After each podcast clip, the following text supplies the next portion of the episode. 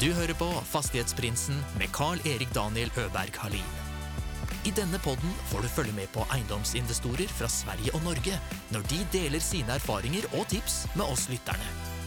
Gjestene er alt fra småbarnsforeldre med sin første enhet til de mer etablerte haiene. God fornøyelse. Hjärtligt välkomna till Fastighetsprinsen! Nordens största fastighetspodcast. Där vi varje måndag släpper nya avsnitt med norska och svenska fastighets eller egendomsinvestorer som man säger i Norge. Det kan vara stora, små, olika inriktningar och eh, vi försöker då varje vecka hitta pusselbitar som jag och ni som lyssnar hitta med, ta med er pusselbitar och ta lärdom och inspiration från de eh, som har varit eh, med på resan längre än oss eller hållit på med saker som inte vi har gjort. Och eh, idag så är det en speciell dag. Det är första gången som Paula inte är med i ett sånt här eget avsnitt. Känns ju lite konstigt. Vi får låtsas att hon sitter här bredvid så att det blir lite roligt. Hon brukar ju alltid liva till det lite grann. Och eh, vi hoppas att hon delar med, eller kommer med nästa avsnitt. Annars kommer det bli så här pinsamt tyst hela tiden. Jag vet inte vem jag ska skratta med. Men i alla fall. Dagens avsnitt är ett avsnitt där vi har tänkt gå igenom två eller tre olika saker. Det ena är, vi har ju haft två avsnitt nu på rad där vi har grävt lite mer i djupet på Airbnb. Eh, och de två lägenheterna som eh, vi har eh, nästan färdigställt den sista här. Om inte Martin tar så lång tid på sig att bygga färdigt. Men i alla fall. De avsnitten skulle ju då eh, vi avklara om vi skulle köra långtidsuthyrning eller korttidsuthyrning på de här två enheterna som ligger 25 minuter utanför Oslo och 3 minuter ifrån ett eh, amusement park, vad heter det? Tivoli. Som, eh, som är som Liseberg och Gröna Lund. Och eh, försöka se om det, och det ligger nära havet och fin natur. Så vi skulle se om det var ägnat för det, om, det skulle, om vi skulle gå för det eller om vi skulle gå för långtidsuthyrning som, eh, som är det mer traditionella. Och så ska vi gå igenom några små saker som jag har lärt mig som är viktiga som är eh, utifrån att ha intervjuat över 100 stycken eh, fastighetsinvestorer och utvecklare så har jag tagit med mig det är en sak som har färgat mig ganska mycket, eller väldigt många saker såklart, men den ena saken som handlar om ganska mycket om stru- struktur. Så det har jag tänkt att ta med Eh, idag och en liten snabb runda igenom eh, på vad som eh, jag har tagit med mig eh, ifrån en av de fyra frågorna som vi har med i Fastighetsprinsen podcast som jag ställer varje gäst och det är ju vad det är som skiljer eh, de framgångsrika entreprenörerna mot de som inte lyckas, slutar eller aldrig kommer igång. Yes, då kör vi igång med utvärderingen av de två lägenheterna som vi har eh, utvecklats. Eh, för er som inte eh, följt med på det så kan jag berätta lite om det. det ligger, vi har köpt ett hus i, det börjar bli 10 månader sedan som vi tog över det. Eh, där vi har eh, utvecklat den ena delen, eh, en lägenhet som ligger i källaren. Och så har vi en, eh, ett annex på tomten som, vi, som inte var Eh, vatten och avlopp eh, och grejer till utan det var bara ett litet rött fint hus bredvid det gula fula huset. Och eh, har vi då vacklat lite fram och tillbaka som Paul och jag kan göra. Eh, om vi ska hyra ut det till eh, någon på lång tid eller på kort tid. Och då är det så här, fördelarna om vi ska starta med dem eh, med att ta Airbnb, alltså eller korttidsuthyrning. Det är ju att obviously det finns eh, större potential att tjäna mycket pengar på det om du klarar av att hyra ut per natt. Då är det ju, säg att det är 30, net, 30 nätter som du kan hyra ut i, i en månad. Eh, så kan du ju hyra ut det kanske runt 1000 kronor för att göra det enkelt. Och då blir ju det 30 000. Nackdelen med det är ju då att du behöver skatta på det. Och skatt på det är 22%. Men om det man jämför med på långtidsuthyrning är cirka 10 till 12 000 skattefritt som det är i Norge om man hyr ut det i egen eh, bolig som är under 49% av vad du kan hyra ut hela fastigheten för. Ehm, så då blir det ju om man tar 22% bort från 30 000 om man skulle få hyrt ut hela på Airbnb så är ju det cirka, vad blir det? Cirka kanske vi inte ska jobba med här men vi gör det ändå. Så vi är nere på 25 000 och så säg att man inte får hyrt ut eh, alla nätter och man har kanske 20% bort igen. Så är vi ju nere på eh, här går det fort. Borde ju kanske för, för gjort det här eller förberett det här. Men det är inte så vi jobbar här. Så Vi är nere på cirka 20 000. Då är det fortfarande bättre än 10-12 000 som du hade fått om du hade hyrt ut det på lång tid. Men då kommer det ju tillägg då.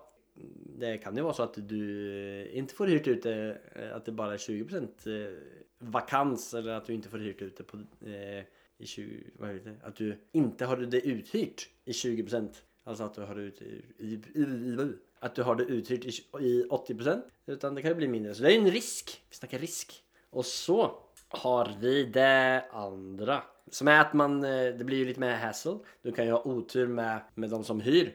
Det kan ju vara att de eh, tar sönder saker. Det kostar mer pengar. Det är klart att de som hyr ut på lång tid också kan eh, ta sönder saker. Men chansen att man får in, eller om du får in en bra så tar ju de förhoppningsvis vara på sakerna bättre än om du har eh, 10-20 stycken olika varje månad. De ska in och ut och städas, grovstädas och så vidare.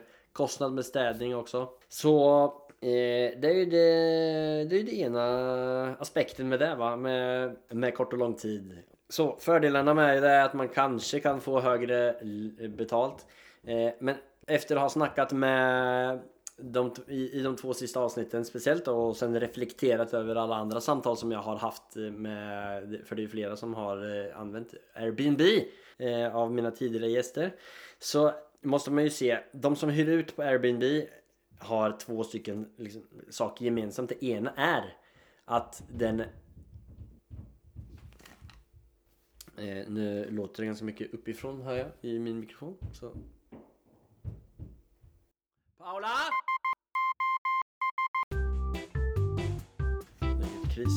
Sitter i vår uthyrningslägenhet och jag hör att det eh, låter lite för mycket upp. Så not so good, not so good. Eh, vart var jag? Jo, vi skulle gå igenom de, de två gemensamma sakerna som ett Airbnb-objekt har. Det ena är lokationen. Det är antingen så ligger det i en stor stad eller så ligger det nära no någonting lite mer turistigt, alltså en skidort eller badplats eller någonting som turister kan dra sig till. Och om vi ska utvärdera den här placeringen då, lokationen ligger 25 minuter utanför Oslo. Eh, väldigt nära buss eh, in till Oslo och det ligger nära eh, det här Tusenfryd som då bara är öppet på sommaren. Så på sommaren så talar det för att man skulle kanske kunna hyra ut det. Så, så två månader om året skulle man kanske kunna hyra ut det till folk som ska åka på, på det här Tusenfryd. Eh, men de andra tio månaderna så är det liksom inte helt lagt upp till det. Så då skulle man ju kunna kombinera det och göra en eh, student som hyr i studenttiden, alltså från augusti till juni när de går i skolan. Och så kanske man kan hyra ut det på kort tid under sommaren. Så det är en, ett alternativ som vi värderar. Den ena är ju lokationen, att det är något speciellt i närheten. Och det andra, och det andra är ju då att liksom själva huset, eller det man hyr ut, är något speciellt. Och vi har då, de två lägenheterna är basement-lägenhet och en, eh, ett annex på en tomt i ett villaområde. Så noll score på, eh, på specialitet. Kanske lite fin utsikt från den, det annexet. Men eh, jag tror att det är väldigt liten skara av turister eller korttidsuthyrare som, som söker just efter det objektet. Så därför stryker vi det. Så konklusionen är egentligen då att eh, vi kommer att gå för långtidsuthyrning och vi har eh, fem stycken eh, eh visningar idag faktiskt. Så på återseende om, eh, och uppdatering eh, eh på det. Jag blir dock lite störd i och med att jag sitter i den ena lägenheten och eh, det hörs jävligt mycket upp. Jag har två, två lag gips och sådana här ljudböjler heter det.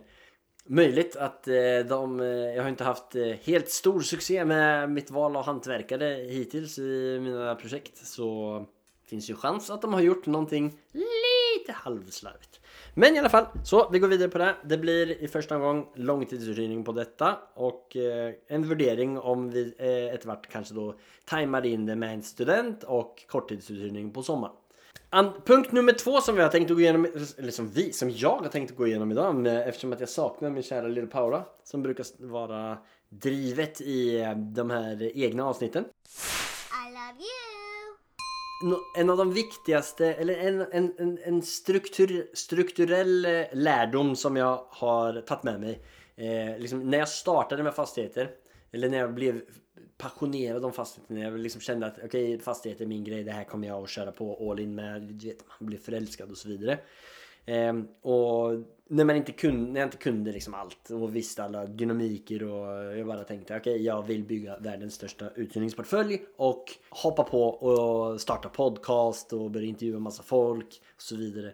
Eh, för att lära mig om hur jag skulle ta mig vidare. Så har jag då fått eh, lära mig en del och det ena som jag då har kommit fram till som är en ganska stor eller som en framträdande gemensam grej hos de flesta som jag intervjuar. Det är att, alltså att de, för att bli stor inom fastigheter så är det liksom eh, vägen hur du bygger din fastighetsportfölj och hur du finansierar dig själv och vidare, vidare utveckling. Liksom en, en avgörande punkt. Låt mig förklara. Det finns liksom olika vägar att gå då innanför hur man ska utveckla sig inom fastigheter. Eh, eller hur man ska finansiera sig själv. Och det ena är ju att man finansierar sig själv via, liksom du går all in, du har en strategi där du kan, kanske du, du börjar flippa lägenheter för att få intäkter till dig själv och till vidare växt i en fastighetsportfölj eller att du liksom skapar så pass mycket eh, pengar genom de här fastighetsflipparna alltså eller utvecklingarna och eh, försäljningen, försäljningarna som gör att du både finansierar dig själv och ditt leverne och att bygg, växa en portfölj. Men det som de flesta har det är en annan verksamhet på sidan som egentligen har gjort den huvudverksamheten eh, alltså ett företag eh, som de får sina pengar ifrån som då kanske gör ett överskott och så när, de, eh, när man förstår vad det handlar om att driva företag så handlar det om att man kanske då vill investera dem vidare och just nu så kanske man inte kan investera dem vidare in i verksamheten så då vill man investera dem vidare i något annat och då är fastigheter ett, eh, ett eh, vehicle, alltså en, ett fordon som man kan kalla det då. Och så, ham och så hamnar man in på det och så ser man okej okay, fastigheter är jävligt coolt och det kan, där kan man skapa ännu mer värden. Så gör att många blir eh, intresserad av det här. Men det är liksom en kombination. Eh, det är inte alla som startar med att bli liksom, fastigheter eller det första man startar med utan det är att man har en verksamhet. Så antingen så har de en verksamhet och det är några exempel på tidigare gäster som har det. Det är episod nummer 32. Robert eh, Henriksson, han har väl fem olika jobb eller, eller verksamheter. Jag tror han är brandman, målerifirma, eh, fastigheter och jag kommer inte ihåg allting men han hade fyra barn också. Nu ska han faktiskt ha det femte barnet. Gratulerar till dig Robert. Bra jobbat, det blir spännande att följa upp dig. Sen har vi Gustav Lie Rugtvätt. Han eh, finner ni i episod nummer 39. Han har ju tillsammans med sin kompis tagit över sin farsas eh, värmepumpsbedrift. Eh, som eh, då finansierar eh, han själv och skapar utbyte eh, eller vinst då, som de sen reinvesterar vidare in i eh, fastigheter. Eller så har vi nummer 60 Fabian och hans kompisar i Sverige De har ju eh, ett stort fastighetsbestånd av över 120 lägenheter Och det de gör är ju att finansiera sig själva via vanligt arbete Alltså de är fast, de är anställda någonstans Och så har vi Caroline i avsnitt nummer 43 hon driver ju en egen verksamhet också. Men det här börjar vi komma in liksom lite på. Den är lite i snarkant med... Alltså den är ju en del av fastighets... In, eh, fastighetsträsket om man ska kalla det. Hon eh, håller på med styling och eh, liksom projektledelse i eh, när folk utvecklar sina egna hus så är hon rådgivare där. Så det att man har flera ben att stå på är ju någonting som eh, jag har sett eller såg väldigt tidigt är eh, en avgörande grej för att men komma vidare och det, det, kan man ju göra på två olika sätt som sagt. Antingen så har du egen, eller tre olika sätt. Antingen så har du ett eget företag eller så är du fast, eh, fastanställd någon annanstans och investera pengar in i eh, fastigheter. Eller så gör du som nummer tre, alternativ nummer tre som eh, vi har till exempel ja, med Caroline till exempel eller Anna Förr for i avsnitt nummer 52 Eh, och Jimmy i avsnitt nummer 10 och 128 de, de flippar ju lägenheter för att försörja sig själva och skapa mer pengar för att kunna investera också. Och så har vi ah, som Caroline eller Lars Dyrendal i avsnitt nummer 2, 12. Han, de har ju sådana verksamheter som är eh, sammankopplade med fastigheter som också kan ge möjligheter i fastighetsbranschen. Eh, Lars säljer bland annat attefallshus. Så då kommer man ju i kontakt med folk som, som har mark som, som håller på att utveckla fastigheter och det kan skapa möjligheter också där, men det är cashflow business och så investera överskott in i fastighets eller i uthyrningslägenheter. Och när jag insåg det då ganska tidigt så eh, var jag eh, anställd eller jag var partner i eh, det företag som jag har varit med och bygga i de sista 13 åren. Men när jag intervjuade Gustav eh, Li i avsnitt 39 så tyckte jag att det påminner väldigt mycket om det jag höll på med och det var en väldigt som easy, eh, easy eh, liksom konvertering över till det. Så han hjälpte mig att starta eh, den verksamheten och det var 12 månader sedan som startade och nu är vi sex anställda i det företaget. Så är ni intresserade av att skapa en eh, verksamhet som är ganska enkel och eh, komma igång med, ta, lyssna på avsnitt nummer 39, ta kontakt med Gustav och så hjälper han dig igång med en verksamhet om värmepumpar. Riktigt bra. Men det, och det, för mig då så är det en av intäktskällorna och förhoppningsvis en sak som kan vara med och bidra till att jag håller mig flytande och kan ge avkastning eller utbyte då som vi kan investera in i vidare eh, fastighetsprojekt. Så tanken var här att jag skulle berätta lite hur jag har gjort det. Så det som vi har gjort, så vi har kategorierat in våra intäkter och våra satsningsobjekt i liksom lite olika eh, kategorier. Det ena är livsfinansierande eh, och det andra är ju långsiktig strategi.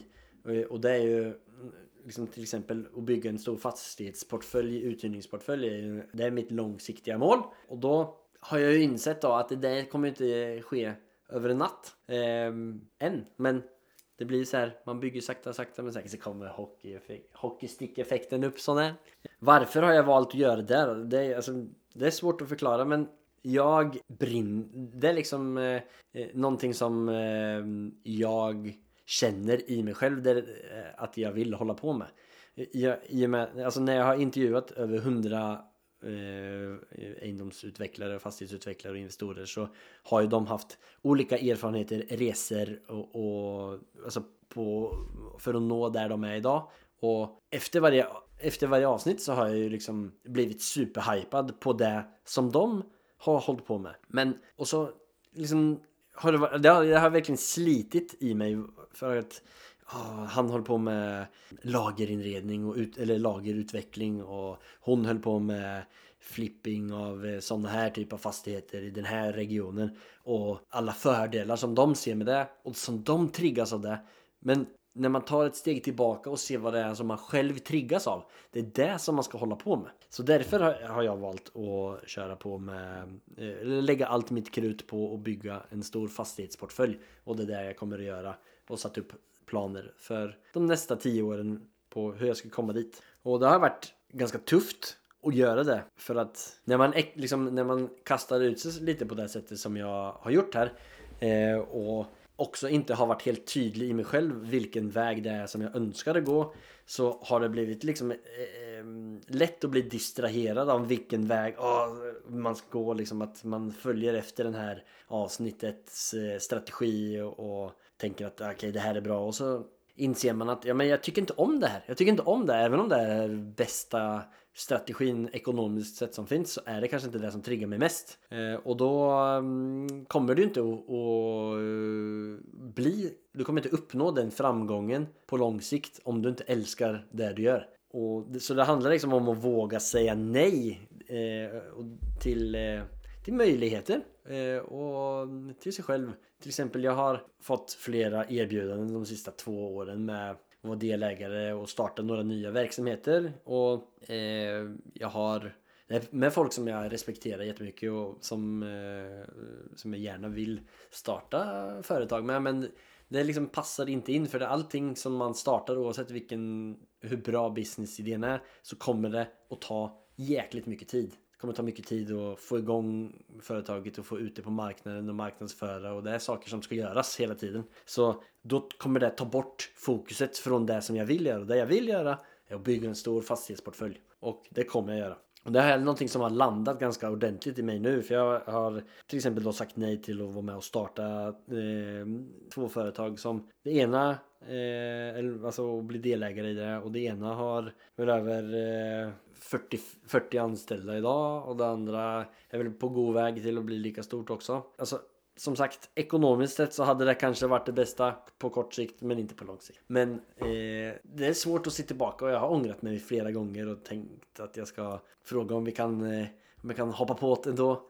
Men på slutet av kvällen eller eh, så landar jag alltid i det att det här var rätt beslut. Och, för, eh, och då, då varje gång jag får en liten sån bevis på att jag är på väg att få utveckling i de större linjerna som jag jobbar med så försvinner, så har ju det försvunnit mycket, mycket mer. Men eh, det är viktigt att vara jävligt tydlig med, med sig själv och sin vision och vad det är du vill göra. Såklart man ska utvärdera den och justera den om det är så. Men var tydlig med dig själv och vad du vill. Så, ett litet sista eh, en sista reflektion då om eh, det här, eh, det här, den här frågan i eh, Fastighetsprinsen podcast som är vad är det som skiljer en framgångsrik entreprenör mot de som inte lyckas, slutar eller aldrig kommer igång? Och det ena, efter att ha intervjuat över 100 eh, utvecklare och eh, investorer i eh, den här kategorin så ser jag att det är flera likhetstecken och det är att de har ett jävla driv och att de aldrig ger upp, de bara justerar planen. De är lite naiva. De tänker liksom att 80% är bra nog. Och de är prestigelösa. De är, har en plan, de testar ut den, de ser att den eh, fungerar eller inte fungerar. Om någon annan kommer med en, ett, ett inspel eller ett förslag så kör de bara vidare. De liksom tar inte någonting personligt. Men det, det är liksom, det är, det är många som har sagt det också i den, eh, på den frågan av de som eh, jag har intervjuat. Att eh, driv och att man bara att man inte ger upp utan man bara justerar. Det är ju, du, du kan ju aldrig misslyckas förrän du inte, eller förrän du ger upp. Tänk på det. Om man är tydlig med det man vill, då finner man ju ut vägen mycket enklare. För det är ju att veta vart man ska som egentligen är det avgörande. Om du är otydlig med det, då kan du inte hitta det här drivet. Då kan du aldrig bara köra på i den riktningen. Även om du inte helt vet vilka uppgifter som är det riktiga just där och då. Men då är du, vet du att vart du är på väg. Man kan vara lite naiv och man eh, behöver kanske inte gräva och ha en 100% säkerhet i allting utan 80% är bra nog och du bara kör på. Så det var eh, lite av dagens reflektioner från fastighetsprinsens eh, lilla lägenhet i källaren. Och med det sagt så har vi satt upp eh, podcastavsnitten lite speciellt nu framöver i en period. Vi hade två avsnitt med Airbnb, eh, korttids och långtidsuthyrning. Och vi kommer ta en, jobba lite kategori framöver. Och nästa kategori är Big Dogs. Hur man ska skapa en fond. Ja, hur ska man köpa svinmycket fastigheter? Ja, är inte det kul? Jag blir i alla fall taggad och vi har några riktigt bra gäster och några riktigt bra avsnitt som ni har att vänta. Och är det några fler sådana här nischer eller eh, specialavsnitt eh, eller kategorier som ni vill eh, höra mer om eller konkreta gäster för den delen. Snälla, gå in på Instagram och skriv till oss under Fastighetsprinsen. Där rekommenderar jag att ni följer med för där har vi, när vi har information och delgivning som vi inte tar med i podden eller om vi har lite behind the scenes från eh, gästerna och bra tips så finner ni det på Instagram. Tusen tack för att ni lyssnade allesammans. Det uppskattar vi jättemycket. Kom jättegärna med inspel, det uppskattar vi. Ha en jättefin dag. Vidare så ska jag gå upp och be på mina bara knän att Paula kan vara med i nästa avsnitt så att ni blir glada igen. Ha det!